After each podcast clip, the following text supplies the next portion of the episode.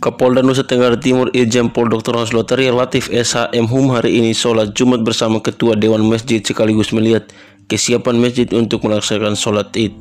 Sholat Jumat di Masjid Raya Nusadah Pusat Dakwah Islam NTT Kupang, Kapolda NTT Irjen Pol Dr. Hans Lotari Latif SHM Hum menyatakan bahwa hari ini ia melihat pelaksanaan protokol kesehatan sangat baik. Hal ini ia mengharapkan agar bisa diikuti oleh masjid-masjid yang lain sebab pada tahun lalu tidak melaksanakan sholat id.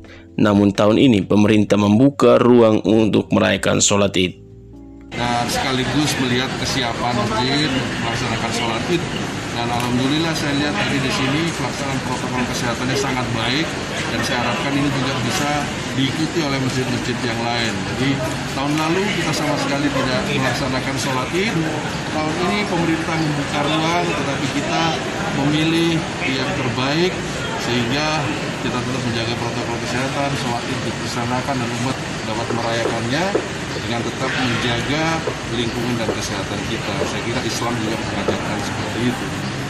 Untuk proses pengamanan di Nusa Tenggara Timur terkait hari Lebaran yang semakin dekat, Kapolda Nusa Tenggara Timur, Lotari Latif SH M. Hum, menjelaskan bahwa telah dilakukan rapat bersama yang diikuti oleh beberapa instansi terkait untuk melakukan pengamanan secara total. Melaksanakan rapat bersama diikuti juga oleh semua dari uh, instansi terkait termasuk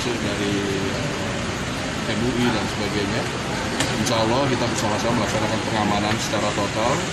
Untuk kita tetap mengamankan seperti perayaan-perayaan besar agama lainnya saya kira. Kemarin Natal, Paskah, dan sekarang Idul Fitri, mungkin mungkin Idul Adha jadi kita sama-sama menjaga tidak hanya tugas Polri, tapi semua instansi terkait, termasuk dari Dewan Masjid dan semua. Dalam bantuan media, Polda NTT memberikan bantuan logistik yang langsung diantar di Masjid Raya Nusadah Kupang. Pada kesempatan itu, Kapolda NTT menitipkan pesan agar tetap menjaga protokol kesehatan agar bisa terhindar dari penyebaran COVID-19. Ya, ini adalah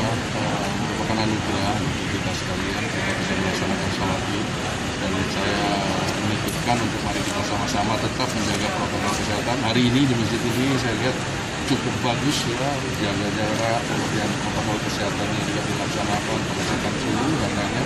Ini sebenarnya tujuannya supaya uh, pelaksanaan ibadah dapat dilaksanakan dengan aman, dengan baik, umat tetap sehat. Kupang Spektrum Teknik Sontai melaporkan.